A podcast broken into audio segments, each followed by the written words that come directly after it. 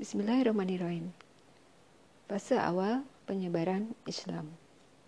Wahai Nabi, sesungguhnya kami mengutusmu untuk menjadi saksi, pembawa kabar gembira dan pemberi peringatan, dan untuk menjadi penyeru kepada agama Allah dengan izinnya, dan sebagai cahaya yang menerangi. Dan sampaikanlah kabar gembira kepada orang-orang mukmin bahwa sesungguhnya bagi mereka karunia yang besar dari Allah – dan janganlah engkau Muhammad menuruti orang-orang kafir dan orang-orang munafik itu. Janganlah engkau hiraukan gangguan mereka dan bertakwalah kepada Allah dan cukuplah Allah sebagai pelindung. Quran Surat Al-Ahzab ayat 45 sampai 48. Rasulullah SAW sangat menyukai khalwat menyendiri dan merenung. Beliau sering kali keluar dari Mekah menuju bukit-bukit dan lembah-lembah yang sepi. Suatu hari, beliau bertemu dengan Jibril di sebuah lembah. Jibril memukul tanah dengan sayapnya, maka memancadah air yang jernih di tempat itu. Jibril berwudu dengan air itu dan Rasulullah menyaksikan kemudian menirunya. Itulah pelajaran pertama mengenai tata cara bersuci. Setelah itu, Jibril mengajarkan kepada Rasulullah bagaimana melakukan sholat. Demikianlah Rasulullah mempelajari dua rukun paling penting dari Islam, syahadat dan sholat. Syahadat merupakan misi utama yang beliau emban dan sebarkan. Sementara sholat waktu itu baru dilakukan dua kali dalam sehari, dua rakaat pada pagi hari dan dua rakaat pada sore hari. Setelah bertemu Jibril, Rasulullah pulang ke rumahnya dengan gembira. Kini beliau tahu bagaimana cara beribadah dan berdoa kepada Allah. Dalam hatinya, beliau merasa sangat menyukai ibadah ini. Hal pertama yang Rasulullah lakukan di rumah beliau adalah mengajarkan kepada Khadijah tata cara berwudu dan melakukan sholat. Khadijah pun melakukan sholat di belakang Rasulullah. Dengan begitu, Khadijah menjadi orang pertama yang melakukan dua hal paling penting dalam Islam. Beriman kepada Allah dan Rasulnya, serta melakukan sholat. Pada hari berikutnya Rasulullah mengajarkan hal yang sama kepada Ali ibnu Abi Thalib. Sejak saat itu, setiap kali datang waktu sholat, Ali selalu berdiri di belakang Rasulullah dan Khadijah di belakang keduanya. Maka Ali yang saat itu baru berusia 10 tahun merupakan lelaki pertama yang melaksanakan dua rukun paling penting dari Islam tersebut. Selanjutnya, sholat diajarkan kepada Zaid ibnu Aristah ia, sendiri, ia berdiri di samping Ali membentuk saf di belakang Rasulullah SAW. Dengan demikian, Zaid adalah lelaki dewasa pertama yang melaksanakan dua rukun itu sekaligus orang ketiga yang melaksanakan sholat di belakang Rasulullah. Empat orang putri Rasulullah telah memeluk Islam berkat ajakan Khadijah. Kepada mereka diajarkan juga bagaimana melaksanakan sholat. Maka kediaman Rasulullah adalah rumah tangga pertama di Mekah yang seluruh anggotanya memeluk Islam dan melaksanakan sholat. Wahyu paling awal yang diturunkan kepada Rasulullah adalah lima ayat pertama dari surat Al-Alaq. Ayat-ayat itu memerintahkan beliau untuk membaca karena membaca merupakan cara mengakumulasikan ilmu pengetahuan. Mencari ilmu juga harus dilakukan dengan nama Allah yang telah menciptakan segala sesuatu, Allah pula yang menciptakan manusia dan mengajarkan kepada mereka agar mencatat dengan pena segala pengetahuan yang Allah berikan. Selang beberapa waktu kemudian, Jibril memanggil beliau dari langit dan mengabarkan bahwa Allah telah memilihnya sebagai nabi. Kemudian Allah menurunkan surah Al-Mudathir, wahyu pertama yang memerintahkan untuk menyebarkan risalah menyeru manusia kepada perbuatan menyembah Allah semata dan menjauhi perbuatan menyembah berhala. Ayat-ayat itu juga memerintahkan beliau untuk bersuci dan menyucikan pakaiannya. Sebuah metafora tentang penyucian jiwa, bahwa beliau hanya boleh memakan makanan yang halal, mengenakan pakaian yang suci, serta melakukan amal soleh. Waktu wahyu mengis, waktu Wahyu itu mengisyaratkan bahwa Islam merupakan agama yang mengajak manusia kepada akhlak yang mulia.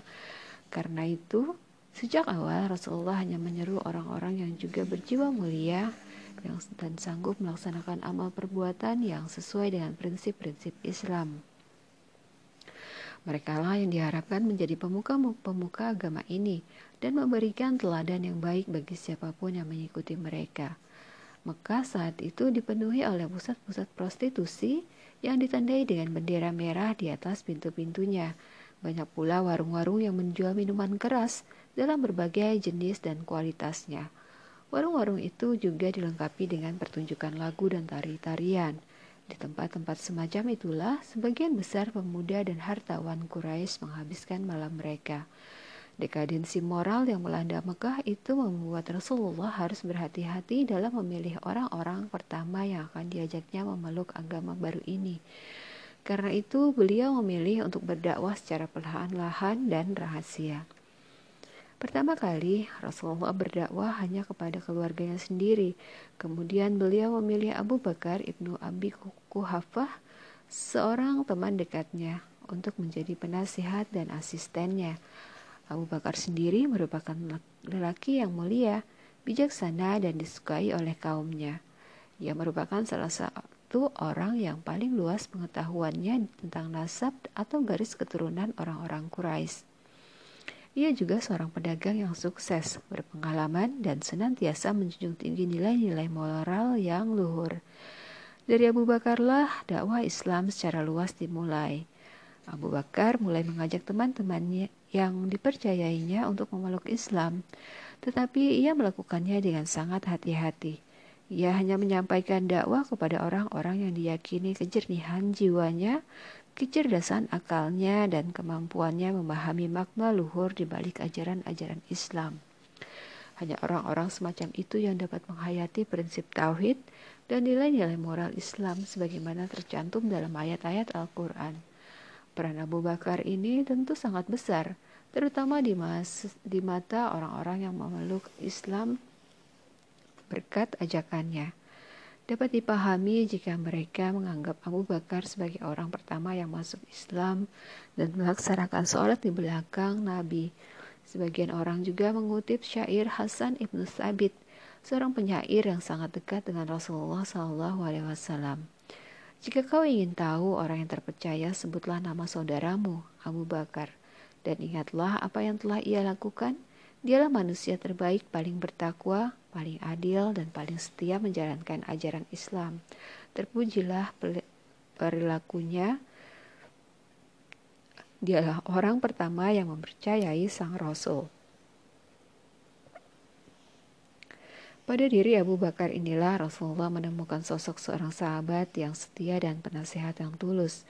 Sedangkan Ali ibnu Abi Thalib dan Zaid ibnu Harista adalah bagian dari keluarga Nabi.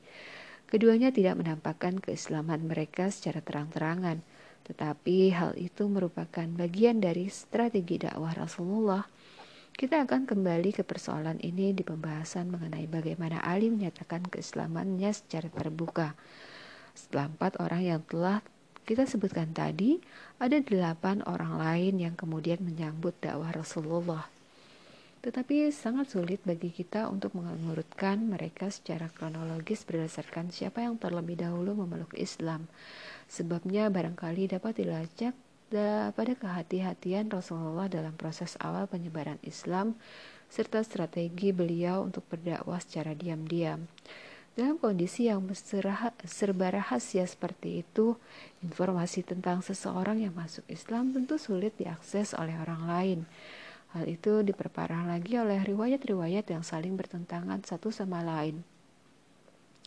Pada bagian berikut ini kita akan mengutip sebagian riwayat-riwayat tan itu tanpa berusaha menguji riwayat mana yang paling valid dan paling sesuai dengan fakta-fakta sejarah.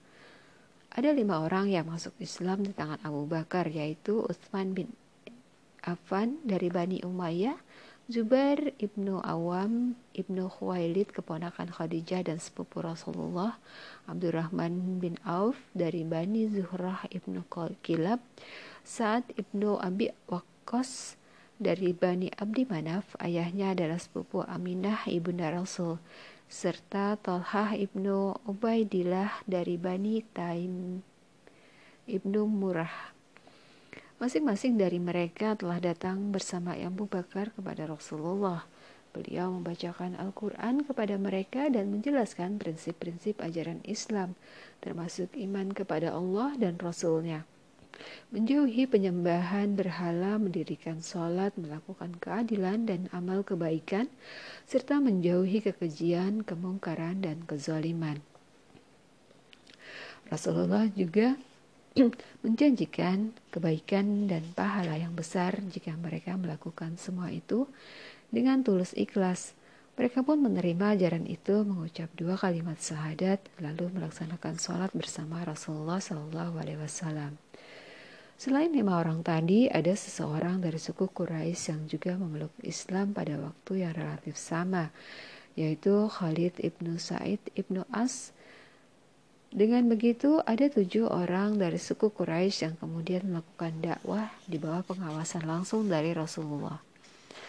Dan sejarah mencatat bahwa tujuh orang itu adalah orang-orang yang hatinya paling suci, akhlaknya paling mulia, paling bertakwa, paling adil, paling tulus pengabdiannya kepada Islam, paling berani dalam membela dan mengikuti Rasulullah, serta paling sabar menanggung resiko dan kesulitan. Akan tetapi, orang-orang yang memeluk Islam pada masa itu tidak terbatas di kalangan Quraisy saja. Ada beberapa orang di luar suku Quraisy yang memeluk Islam lalu menyebarkannya di masyarakatnya. Orang pertama adalah Abu Zar Al-Ghifari. Ia memeluk Islam berkat peran Ali ibnu Abi Talib. Sejak awal, Abu Zar memang tidak mau menyembah berhala. Menurutnya, merupakan suatu kebodohan untuk menyembah batu-batu yang dipahat sendiri oleh manusia. Karena itu ia pergi menuju Mekah. Suatu hari, Ali menemukannya sedang tidur di dekat Ka'bah. Ali kemudian mengajak Abu Zar ke rumahnya dan menjamunya selama dua malam tanpa bertanya apa-apa. Pada malam ketiga, mereka berdua terlibat dalam sebuah diskusi. Ali kemudian menjelaskan kepada Abu Zar tentang ajaran-ajaran Islam. Abu Zar tertarik dan meminta Ali agar sudi mengantarnya ke hadapan Rasulullah. Ketika berkunjung ke rumah Rasulullah, Abu Zar mengucapkan salam.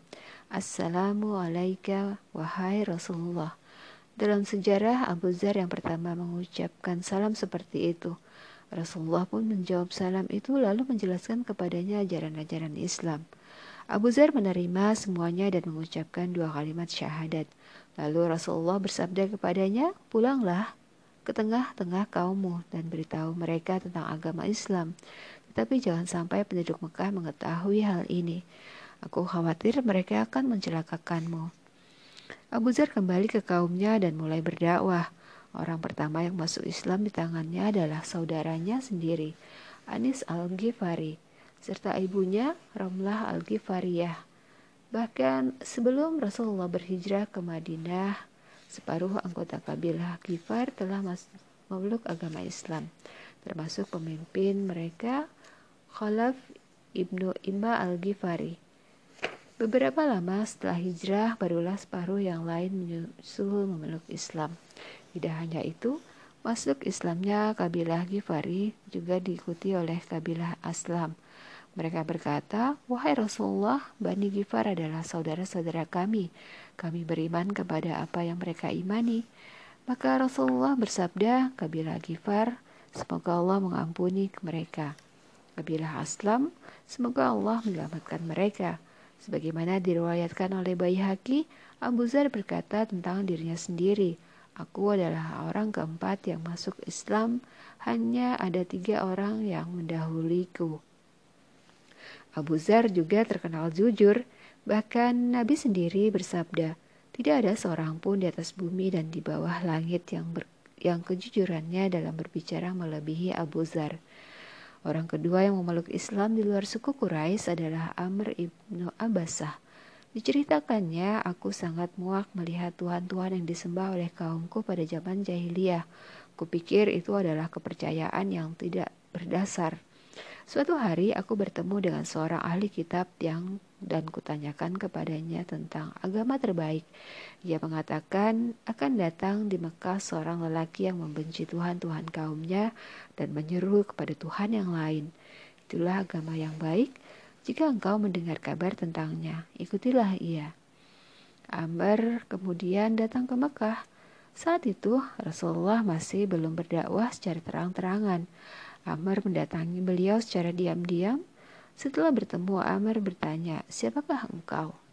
"Aku adalah Nabi Allah," jawab Rasulullah. "Apa itu Nabi?" "Nabi adalah utusan Allah." "Siapa yang mengutusmu?" "Allah." "Ajaran apa yang kau bawa?" Agar tali silaturahmi terus tersambung, agar darah tidak ditumpahkan, agar jalan-jalan tetap aman, agar berhala-berhala dihancurkan, agar Allah satu-satunya yang disembah dan tidak dipersekutukan. Betapa indah ajaran-ajaran itu. Saksikanlah bahwa aku beriman dan mempercayaimu. Haruskah aku tinggal di sini bersamamu? Aku telah melihat betapa orang-orang membenci ajaran-ajaran yang kubawa ini. Sebaiknya engkau pulang ke rumahmu. Jika kau dengar aku keluar dari tempat ini, ikutlah keluar bersamaku. Amr kemudian kembali ke kaumnya. Ketika Nabi berhijrah ke Madinah, ia pun menyusul ke sana. Dalam sebuah riwayat dikatakan bahwa Amr juga pernah menyatakan bahwa dirinya merupakan orang keempat yang masuk Islam. Mereka lah orang-orang pertama yang memegang peran penting dalam penyebaran Islam di Mekah. Secara ringkas dapat disimpulkan bahwa perjuangan Rasulullah pada masa-masa awal itu tidak dapat dilepaskan dari peran Khadijah. Ia merupakan penasehat pertama Rasulullah orang yang selalu setia mendampingi beliau dalam segenap suka dan duka. Tidak bisa pula diabaikan jasa Ali ibnu Abi Talib pada usianya yang masih muda. Ali telah menunjukkan tekad dan usaha yang sangat kuat untuk membantu setiap perjuangan Rasulullah. Kemudian harus pula disebut Abu Bakar ibnu Abi Kuhafah, orang yang tak pernah ragu meyakini dan membela Rasulullah. Enam orang dari suku Quraisy yang telah kita sebutkan di atas juga harus diperhitungkan. Begitu juga dengan Zaid ibnu Harista, budak kesayangan Rasulullah. Dengan mereka sebagai garda depan penyebaran Islam, dakwah Rasulullah berlangsung dengan dalam skema yang rapi dan terencana. Mereka memulai proses penyebaran Islam dengan terlebih dahulu mempertimbangkan orang-orang yang kira-kira bisa menerima ajaran-ajarannya. Setelah itu barulah mereka menyampaikan ajaran-ajaran itu secara diam-diam dan personal. Di sisi lain, Jibril turun terus turun membawa wahyu yang meng, dan mengajarkan prinsip-prinsip Islam. Kedatangannya selalu ditunggu-tunggu. Rasulullah sangat mencintai Jibril.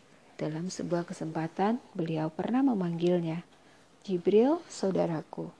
Sebagaimana telah kita jelaskan pada bagian terdahulu, Jibril, Jibril pernah menyampaikan salam dari Allah kepada Khadijah. Salam dari Allah itu merupakan penghargaan atas keikhlasan Khadijah dalam membela Rasulullah serta peran penting yang dipegangnya dalam proses penyebaran Islam. Allah pula yang menunjuki Khadijah cara terbaik menjawab salam darinya. Ia katakan, Allah lah pemelihara kedamaian, sumber segala damai, salamku untuk Jibril. Beberapa bulan berlalu semenjak Muhammad diangkat menjadi Rasul. Khadijah turut menyaksikan peristiwa turunnya wahyu dan masuk Islamnya beberapa orang muslim pertama. Pengalaman itu menjadikan cahaya keimanan memenuhi hatinya. Ia merasa bahwa di balik kehidupan Rasulullah Shallallahu Alaihi Wasallam, di balik kesulitan-kesulitan yang beliau hadapi, tersisa sebuah tugas suci baginya, mendorong suaminya, mendampinginya, dan meringankan beban-beban tugas yang ditanggungnya. Khadijah meyakini bahwa apa yang dilakukannya itu merupakan bentuk ibadah yang dapat mendekatkannya kepada Allah. Tugas suci itu dianggapnya sebagai sebuah kehormatan dari Allah yang membedakannya dari wanita-wanita Quraisy lainnya. Akan tetapi betapa terkejut Khadijah ketika ia merasakan sesuatu di dalam tubuhnya, sesuatu yang tidak asing. Ia heran, mungkinkah di usianya yang kelima-lima ini ia mengandung lagi? Benarkah perasaannya ini? Sudah lima tahun berlalu sejak kelahiran Fatimah, putrinya yang terakhir, Khadijah bukan tidak mendambakan lahirnya anak-anak baru dari rahimnya, tetapi usianya yang mulai beranjak senja membuatnya ragu. Benarkah apa yang ia rasakan saat ini merupakan tanda-tanda kehamilan? Jangan-jangan itu justru tanda penyakit yang bersarang di tubuhnya. Khadijah mencoba untuk menepis semua keraguan itu.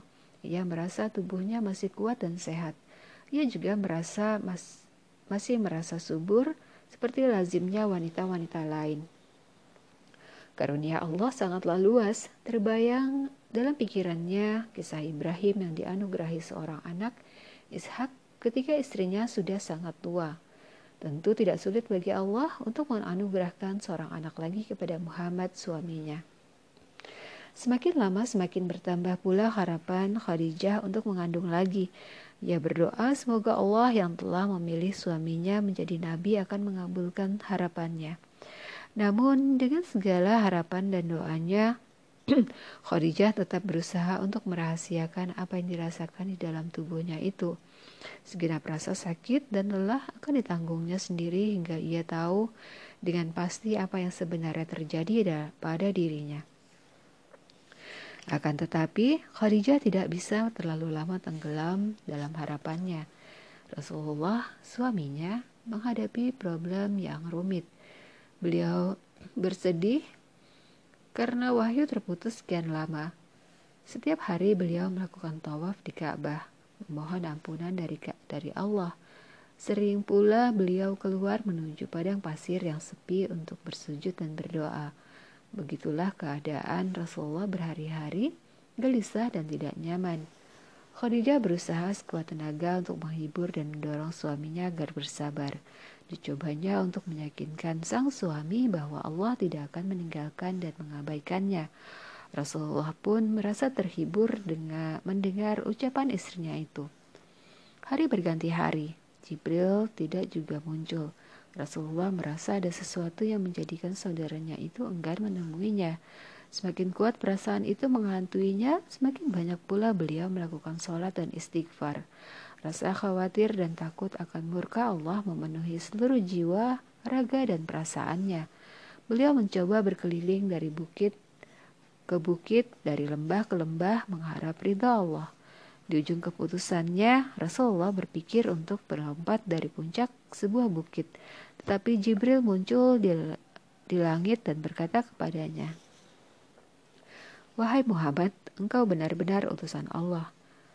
Pertemuan dengan Jibril saudaranya itu kembali menjadikan beliau tenang.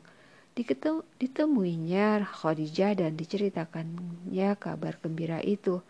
Khadijah menyambut kabar itu dengan rasa syukur. Didorongnya suaminya itu untuk semakin yakin kepada kebenaran Rasulullah serta agar selalu rela dengan keputusan dan takdir Tuhannya. Peristiwa itu sekali lagi menunjukkan bahwa Khadijah memiliki pertimbangan yang matang, pemikiran yang seimbang, keimanan yang kukuh, serta keikhlasan yang total. Allah menganugerahkan kepadanya kemampuan untuk bersabar, menanggung setiap kesulitan dan cobaan dalam memperjuangkan kebenaran serta mendampingi suaminya tercinta. Khadijah adalah istri yang dan penasehat terbaik yang pernah dimiliki oleh Rasulullah. Akan tetapi wahyu tak kunjung turun. Kegembiraan Rasulullah karena bertemu dengan Jibril perlahan-lahan memudar. Rasa sedih yang dalam kembali menyelimuti hatinya. Diperbanyaknya sholat dan doa, keraguan mulai muncul di hatinya. Apakah Allah akan mengabaikannya setelah sebelumnya dia mengangkatnya menjadi Rasul? Mungkinkah Allah membencinya setelah dia mencurahkan cinta dan kasih sayangnya? Apakah ridha Allah tidak lagi untuknya? Sekitar 40 hari lamanya Rasulullah bergulat dengan rasa ragu dan khawatir itu. Tetapi setiap kali beliau merasa putus asa, setiap kali itu pula Jibril muncul mengatakan hal yang sama. Setelah 40 hari wahyu terputus, Rasulullah merasa tidak memiliki pilihan. Hanya Allah yang dapat menyelesaikan persoalan ini. Beliau memperbanyak tawaf, salat, tasbih, dan istighfar. Berhari-hari beliau menangis, merintih dan memohon agar Allah sudi mengampuni dan memberinya petunjuk. Di antara harapan dan keputusasaan Rasulullah pulang ke rumahnya. Beliau merasa lelah secara fisik dan rohani. Khadijah menyambut kedatangan beliau dengan rasa sayang dan yang tulus. Tiba-tiba Rasulullah mendengar gemerincing bel. Wahyu akan turun. Keringat mengucur deras dari kening beliau.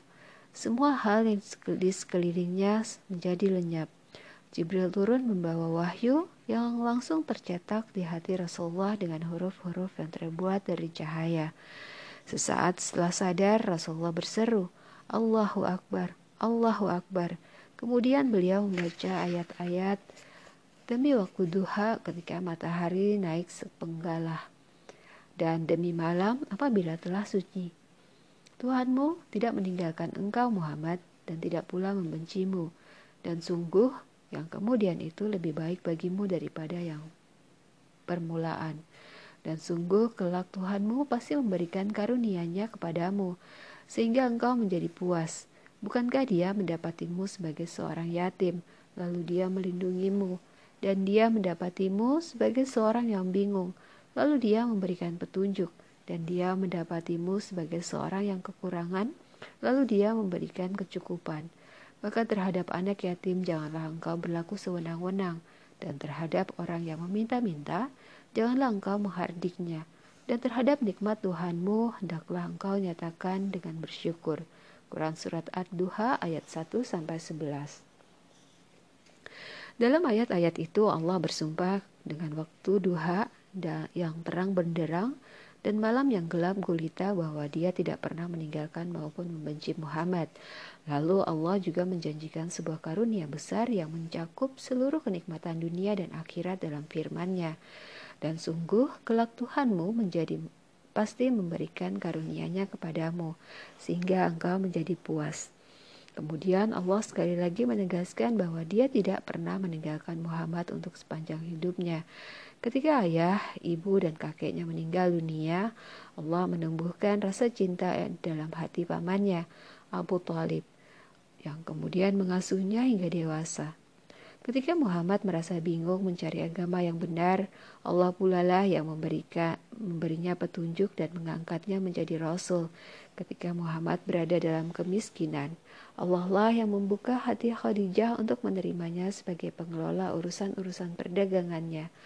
Karena itu Allah meminta Muhammad untuk selalu bersikap baik kepada anak-anak yatim dan para peminta-minta sebagaimana Allah telah berbuat baik kepadanya.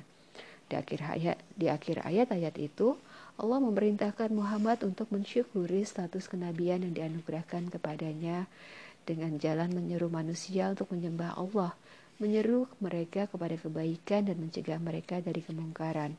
Bagi orang-orang yang saat itu telah memeluk Islam, turunnya surah Ad-Duha merupakan tanda datangnya pertolongan Allah. Mereka semakin giat melakukan tugas-tugas dakwah dan penyebaran Islam. Hasilnya, semakin banyak penduduk Mekah yang memeluk Islam. Kita akan sebutkan beberapa di antara mereka. Dari laki-laki Quraisy ternyata tercatat nama-nama Abu Ubaidah ibnu Al-Jarrah, Abu Salamah Al-Makhzumi, Al-Arqam ibnu Abi Al-Arqam, Utsman ibnu Maz'un, Kudamah ibnu Maz'un, Ubaidah ibnu Al-Haris, Said ibnu Zaid, Umair ibnu Abi Waqqas, Abdullah ibnu Mas'ud, dan Ja'far ibnu Abi Talib. Dari pihak wanita tercatat nama-nama Asma binti Abi Bakar, Hindun al-Makhzumiyah, istri Abu Salamah, Fatimah saudari Umar ibnu Khattab, Umayyah bin Khala, uh, bin Khalaf, istri Khalid ibnu Said ibnu Al-As dan Asma binti Umais, istri Ja'far ibnu Abi Talib. Ajaran Islam juga direspon secara positif oleh para budak dan hamba sahaya. Bagi mereka, agama ini mengajarkan prinsip kesetaraan antara sesama manusia. Seorang Arab tidak lebih mulia dibandingkan seorang non-Arab. Seorang tuan juga tidak lebih mulia dibandingkan dengan budaknya. Hanya takwa yang membedakan kualitas seseorang dengan orang lain di sisi Allah. Karena itu, beberapa budak langsung menyatakan memeluk Islam. Di antara mereka tercatat nama-nama Bilal ibnu Rabah, Yasir, Ammar ibnu Yasir, Suhaib, Ar-Rumi, dan Amir ibnu Fahirah, budak Abu Bakar. Dari kalangan budak-budak wanita tercatat nama-nama Barakah, Ummu Aiman, budak Rasulullah SAW, Sumayyah Ummu Ammar, Junairah, dan Ummu Ubais. Penduduk Mekah mulai ramai membicarakan agama baru ini di rumah-rumah dan tempat di tempat-tempat perkumpulan mereka. Islam mulai menarik perhatian karena jumlah pemeluknya yang terus bertambah serta karena Islam menolak praktek penyembahan berhala, sebuah adat yang telah sekian lama dipraktikkan oleh penduduk Mekah. Walau begitu, tidak ada usaha yang berlebihan untuk menghambat gerak laju agama ini. Pemuka-pemuka Quraisy menganggapnya remeh, sementara para pemuda tidak mempedulikannya. Setiap kali Rasulullah lewat di sekitar Ka'bah, tempat di mana banyak orang Quraisy berkumpul, mereka selalu menunjuk beliau dan berkata, itu dia pemuda dari Bani Muthalib yang memperoleh wahyu dari langit. Dengan kondisi semacam itu, dakwah Islam berlangsung sangat lambat. Tetapi ada juga sisi positif dari proses penyebaran yang lambat ini. Islam yang diajarkan secara perlahan-lahan itu menjadikan ajaran-ajarannya tertanam kuat di dalam hati para pemeluknya yang paling awal. Rasulullah mulai merasa perlu mencari sebuah tempat agar para pemeluk Islam dapat berkumpul bersama. Di tempat itu nanti Rasulullah akan mengajarkan kepada mereka prinsip-prinsip Islam, membacakan ayat-ayat Al-Quran, menerangkan makna dan kandungannya, menjelaskan hukum-hukumnya, serta mengajak mereka melaksanakan dan mempraktikannya.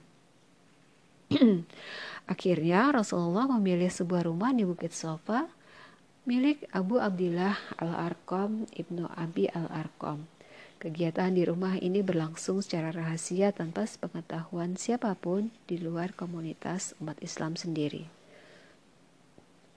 Turunnya surat Ad-Duha di atas tidak saja menimbulkan kegembiraan di dalam hati Rasulullah dan umat Islam.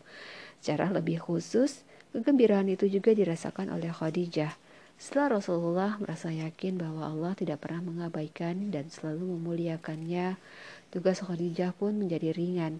Berlalu sesudah masa-masa sulit, ketika Khadijah harus melupakan urusan-urusan pribadinya demi kepentingan menghibur dan menjaga Rasulullah.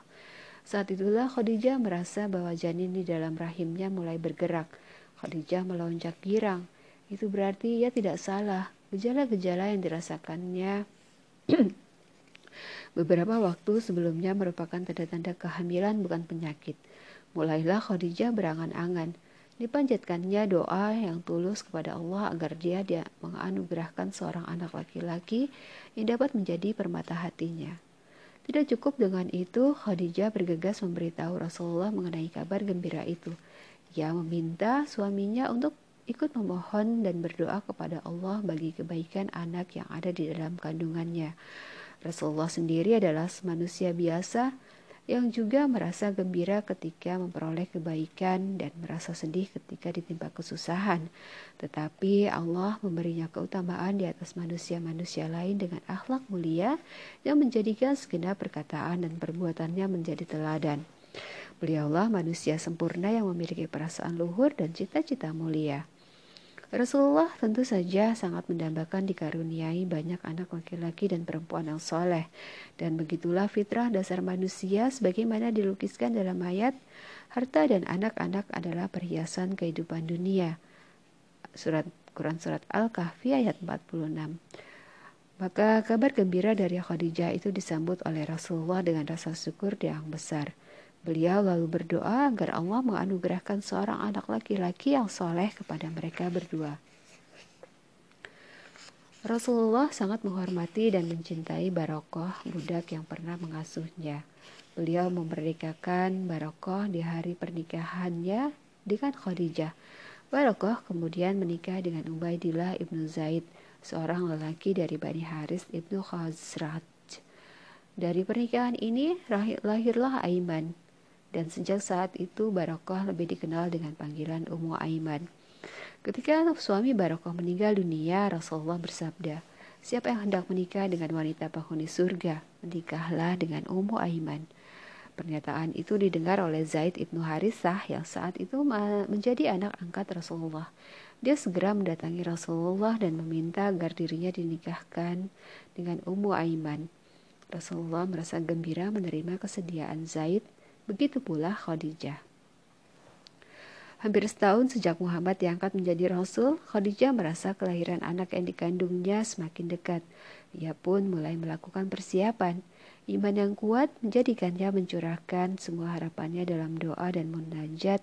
Semoga Allah menganugerahkan kepadanya anak laki-laki yang dapat menggantikan kedudukan Qasim di tengah-tengah keluarga. Ketika hari kelahiran tiba, Khadijah memutuskan untuk berserah diri kepada Allah. Ia pun melalui proses persalinan dibantu oleh Salma. Ketika melihat bayi yang dilahirkan Khadijah, Salma melonjak girang. Seorang bayi laki-laki setelah memberitahu Khadijah, Salma segera berlari keluar hendak mengabarkan berita gembira itu kepada Rasulullah. Melihat wajah Salma yang ceria, Rasulullah segera tahu bahwa Allah mengabulkan doanya. Khadijah melahirkan anak laki-laki. Beliau menengadahkan wajahnya ke langit, bersyukur kepada Allah atas segala nikmat yang diterimanya. Lalu beliau bergegas menemui Khadijah dan mengucapkan selamat kepadanya. Bayi laki-laki ini kemudian diberi nama Abdullah. Seperti biasa, pada hari ketujuh setelah kelahirannya, dua ekor kambing disembeli dan dagingnya dibagi-bagikan kepada sanak keluarga serta orang-orang miskin. Rambut bayi itu dipangkas lalu ditimbang. Kemudian Rasulullah menyedekahkan perak seberat rambut sang bayi. Khadijah merasakan kegembiraan menyelimuti hatinya. Hidupnya tenang, tak ada lagi yang perlu dikhawatirkan. Setelah sekian lama, mimpinya untuk memiliki anak laki-laki terwujud sudah. Syukur dipanjatkannya kepada Allah. Waktunya dihabiskan untuk menangani urusan-urusan rumah tangga, mengasuh bayi, dan membantu perjuangan suaminya. Usianya saat itu mendekati 56 tahun dan Rasulullah 41 tahun. Setiap kali datang waktu sholat, Rasulullah selalu melakukannya secara sembunyi-sembunyi di luar kota Mekah atau di tempat yang jauh dari pantauan paman-paman dan sanak keluarganya. Beliau selalu didampingi oleh Ali ibnu Abi Talib. Suatu hari, Al Abu Talib mendapati mereka berdua sedang melaksanakan sholat di sebuah tempat yang tersembunyi. Dengan kaget dan heran, Abu Talib mengamati bagaimana keduanya berdiri. Kemudian melakukan ruku dan sujud sehingga hingga selesai. Lalu ia bertanya kepada Rasulullah, Agama apa yang engkau anut ini, wahai keponakanku? Rasulullah kemudian menjelaskan bahwa agama ini menyeru manusia untuk menyembah Allah yang esa, pencipta langit dan bumi beserta seluruh isi alam semesta, bahwa Allah tidak boleh dipersekutukan dengan apa pun, bahwa berhala-berhala harus dihancurkan, silaturahmi harus disambungkan, jiwa manusia harus dipelihara, dan keamanan harus dijaga bahwa manusia harus mencari kebaikan serta menjauhi keburukan. Salah satu pernyataan beliau yang paling berkesan saat itu adalah wahai pamanku, ini adalah agama Allah, agama para malaikat, agama para nabi, juga agama leluhur kita, Ibrahim. Allah mengutusku sebagai rasul bagi manusia. Kau pamanku adalah orang yang paling pantas kuberi nasihat dan kuajak ke jalan yang benar. Kau pula pamanku, orang yang paling berhak menyambut seruanku dan membantuku menyebarkan agama ini. Keduanya terdiam agak lama. Abu Talib tenggelam dalam pikirannya. Sejurus kemudian, dengan suara yang penuh cinta dan sayang, Abu Talib berkata perlahan, Muhammad keponakanku, aku tak bisa meninggalkan agamaku dan agama leluhurku ini. Abu Talib terdiam sejenak, kemudian dengan suara yang lebih tegas ia kembali berkata, tetapi demi Allah, aku tidak akan membiarkan sesuatu yang buruk menimpamu selama aku masih hidup. Abu Talib pemuka Bani Hashim dan Bani Muthalib ini enggan beriman. Tetapi jawabannya kepada Rasulullah memberikan harapan bahwa ia akan beriman suatu saat nanti setelah melalui pemikiran yang panjang. Ia sendiri telah berjanji akan menjaga Rasulullah sepanjang hidupnya dari apa pun yang dapat menyebabkan beliau celaka. Tidak akan dibiarkannya siapa pun menghalanginya dan membahayakan beliau. Dengan janji itu, Rasulullah berada dalam perlindungan seorang lelaki yang paling dihormati, disegani, dan ditakuti di kalangan Quraisy. Hal itu tentu saja merupakan bagian dari perlindungan Allah kepada beliau. Selanjutnya, Abu Talib menoleh kepada anak kandungnya, Ali. Ia berkata, Wahai anakku, Agama apa yang kau anut ini? Ali menjawab tegas, Ayahku, aku beriman kepada Allah dan Rasulnya. Aku percaya kepada apa yang dibawa Rasulullah. Aku melaksanakan sholat bersamanya. Aku mematuhinya. Begitulah Ali yang masih kecil itu mengumumkan keislamannya secara terbuka dengan keberanian yang sulit dicari tandingannya. Jawaban itu membuat sang ayah menatapnya dengan sangat dengan rasa sayang. Ia berkata, kalau ia mengajakmu kepada kebaikan, taatlah kepadanya. Pernyataan itu menunjukkan bahwa Abu Talib sendiri membiarkan anaknya memeluk agama baru ini dan meninggalkan praktik penyembahan berhala. Hal itu juga semacam pengakuan tersembunyi bahwa agama yang dibawa Rasulullah mengajak kepada kebaikan. Karena itu, Abu Talib mengizinkan Ali mengikuti Rasulullah dalam kebaikan tersebut. Dalam perjalanan pulang, Rasulullah merasa sangat beruntung sebagaimana biasa. Beliau melakukan tawaf terlebih dahulu sebelum memasuki rumahnya. Sesampainya di rumah, Rasulullah segera menceritakan kejadian kepada istrinya Khadijah. Mendengar cerita suaminya, Khadijah tidak bisa menyembunyikan kegembiraannya. Kabar gembira ini baik, benar-benar berarti. Khadijah yakin bahwa Abu Talib akan masuk Islam suatu saat nanti, cepat atau lambat. Menurutnya pula, Abu Talib pasti akan berusaha sekuat tenaga untuk menjaga Rasulullah dan tidak akan membiarkan siapa pun menyakitinya. Kabar tentang janji Abu Talib itu tersebar di kalangan para pemeluk Islam. Mereka menyambut kabar itu dengan gembira. Allah telah berkenan memberi petunjuk kepada Abu Talib untuk menjamin keselamatan keponakannya. Dengan wibawa dan kekuasaannya, Abu Talib diyakini mampu menjaga Rasulullah dari gangguan para pemuka Quraisy lainnya. Telah tiba saatnya bagi Rasulullah untuk menyebarkan Islam tanpa lagi takut kepada perlakuan buruk orang-orang musyrik. Karena itu, bagi para pemeluk agama Islam saat itu, janji Abu Talib adalah sebuah awal dari kemenangan besar yang diberikan Allah kepada agamanya. Pada saatnya nanti, demikian mereka meyakini janji itu akan sangat membantu ketika Islam telah disebarkan secara terang-terangan. Proses penyebaran Islam secara diam-diam terus berjalan di bawah pengawasan langsung dari Rasulullah beberapa pemuda Quraisy bisa ditarik untuk memeluk Islam. Demikian pula beberapa budak dan hamba sahaya yang merasa bahwa Islam benar-benar membela kepentingan mereka. Hingga saat itu, kaum muslimin masih membunyikan menyembunyikan keyakinan mereka dari kaum Quraisy. Mereka tidak mengungkapkan status keislaman mereka secara terbuka. Setiap datang waktu sholat, para pemeluk Islam itu selalu melaksanakannya di kaki bukit atau di lembah-lembah di sekitar Mekah. Hal itu terus berlangsung sepanjang tahun kedua dan separuh tahun ketiga setelah Islam mulai disebarkan. Di akhir tahun ketiga terjadilah sebuah peristiwa yang mengubah segalanya. Suatu hari saat Ibnu Abi Waqqas bersama sekelompok umat Islam keluar untuk melakukan sholat. Tanpa disangka-sangka, beberapa orang musyrik melihat mereka. Mulailah kaum musyrikin itu mencela umat Islam sebagai pengkhianat terhadap kepercayaan para leluhur. Mereka kemudian juga mengejek cara ibadah yang dilakukan umat Islam. Perdebatan pun memanas, lalu terjadilah perkelahian.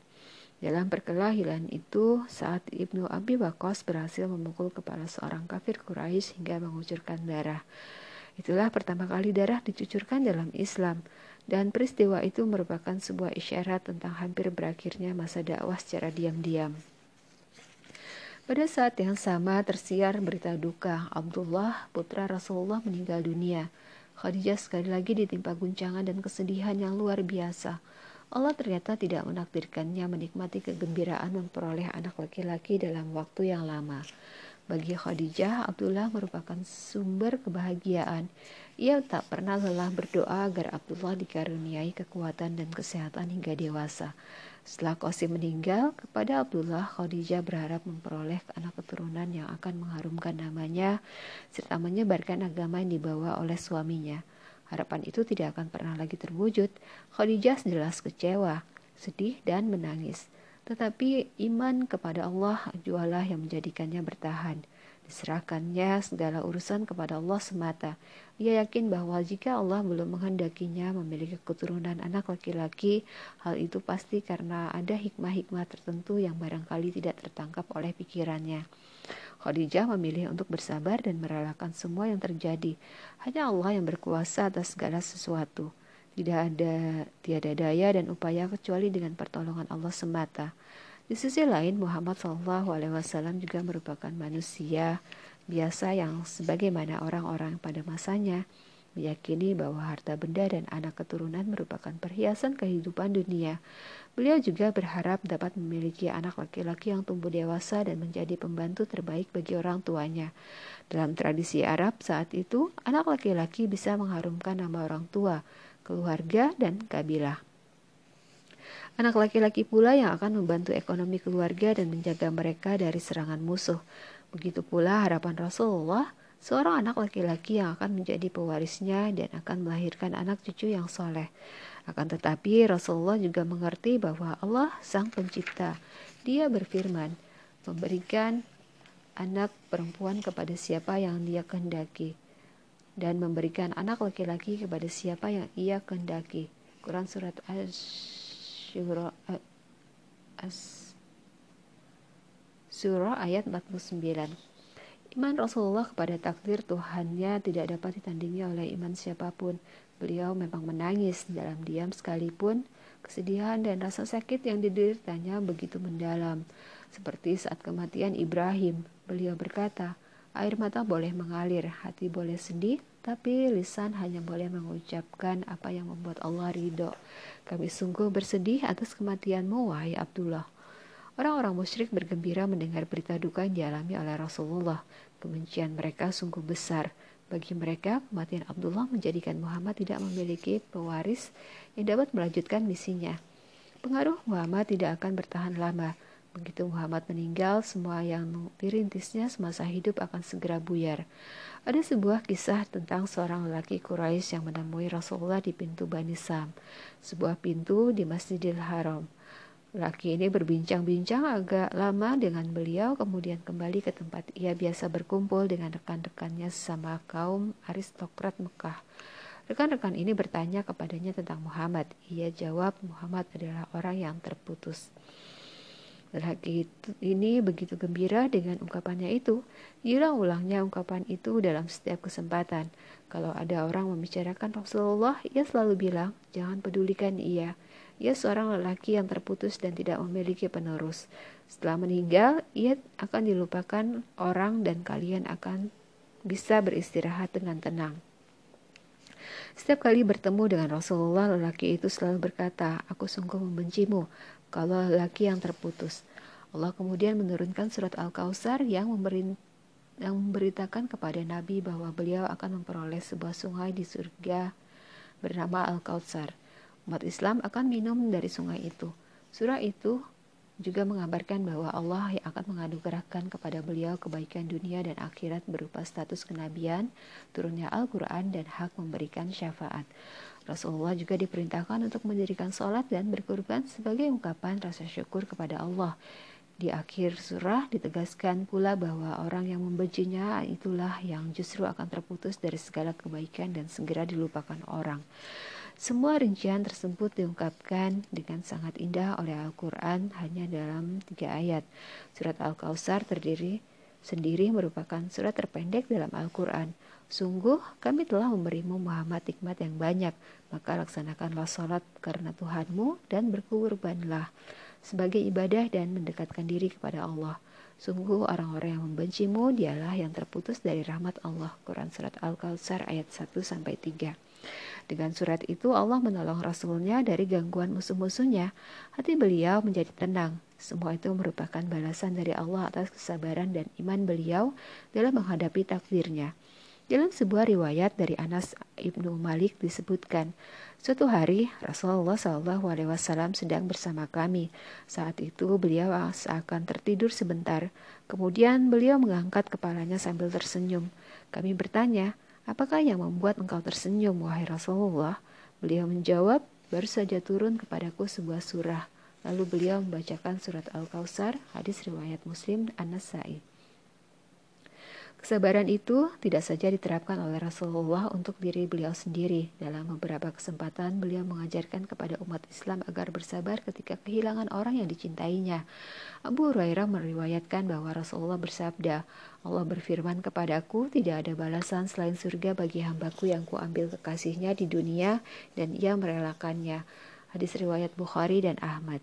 Begitu pula riwayat Abu Musa al-Asyari tentang sabda Rasulullah. Ketika mati seorang anak seorang hamba, Allah bertanya kepada para malaikat, Kalian cabut nyawa anak hambaku?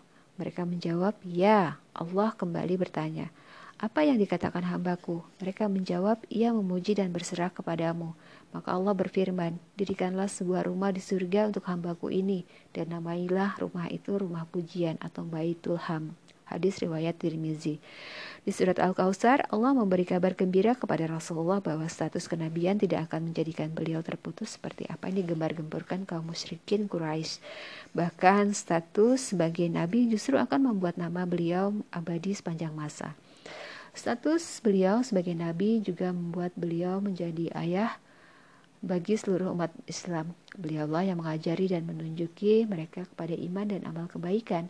Beliau juga yang mengabarkan keridhaan Allah kepada mereka.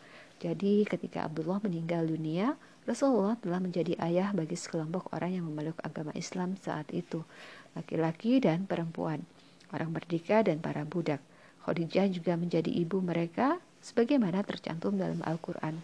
Nabi itu lebih utama bagi orang-orang mukmin dibandingkan diri mereka sendiri dan istri-istrinya adalah ibu-ibu mereka. Quran Surat Al-Azab ayat 6.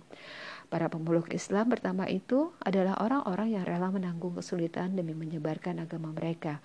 Mereka berjuang habis-habisan hingga akhirnya Allah menolong mereka membebaskan kota Mekah dan menjadikan kaum musyrikin Quraisy berbondong-bondong masuk Islam.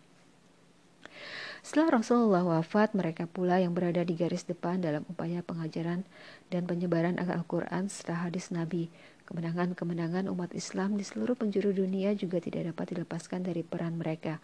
Mereka kemudian melahirkan generasi baru yang disebut tabi'in, dan dari merekalah umat Islam sepanjang masa mengambil teladan yang sempurna. Berkat jasa mereka, Rasulullah bisa menjadi ayah bagi lebih dari 800 juta umat Islam di seluruh dunia dewasa ini dengan Khadijah sebagai ibu pertama mereka. Umat Islam mencintai Rasulullah dan senantiasa bersolawat kepadanya. Allah berfirman, Sesungguhnya Allah dan para malaikatnya bersalawat untuk Nabi. Wahai orang-orang yang beriman, bersalawatlah kamu untuk Nabi dan ucapkanlah salam, ucapkanlah salam dengan penuh penghormatan kepadanya.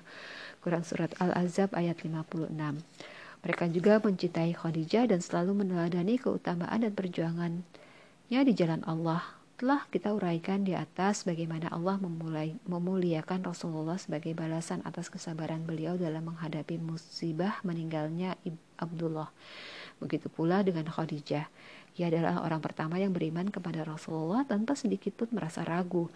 Khadijah pula yang selalu menenangkan Rasulullah ketika rasa takut dan cemas mencengkeram perasaan beliau.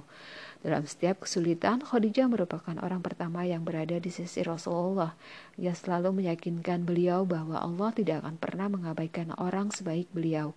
Khadijah senantiasa mencurahkan cintanya yang paling tulus, cinta yang memberikan ketenangan kepada Rasulullah dan menjadikan beliau melupakan kesulitan serta rasa lelah dalam perjuangan menyebarkan Islam.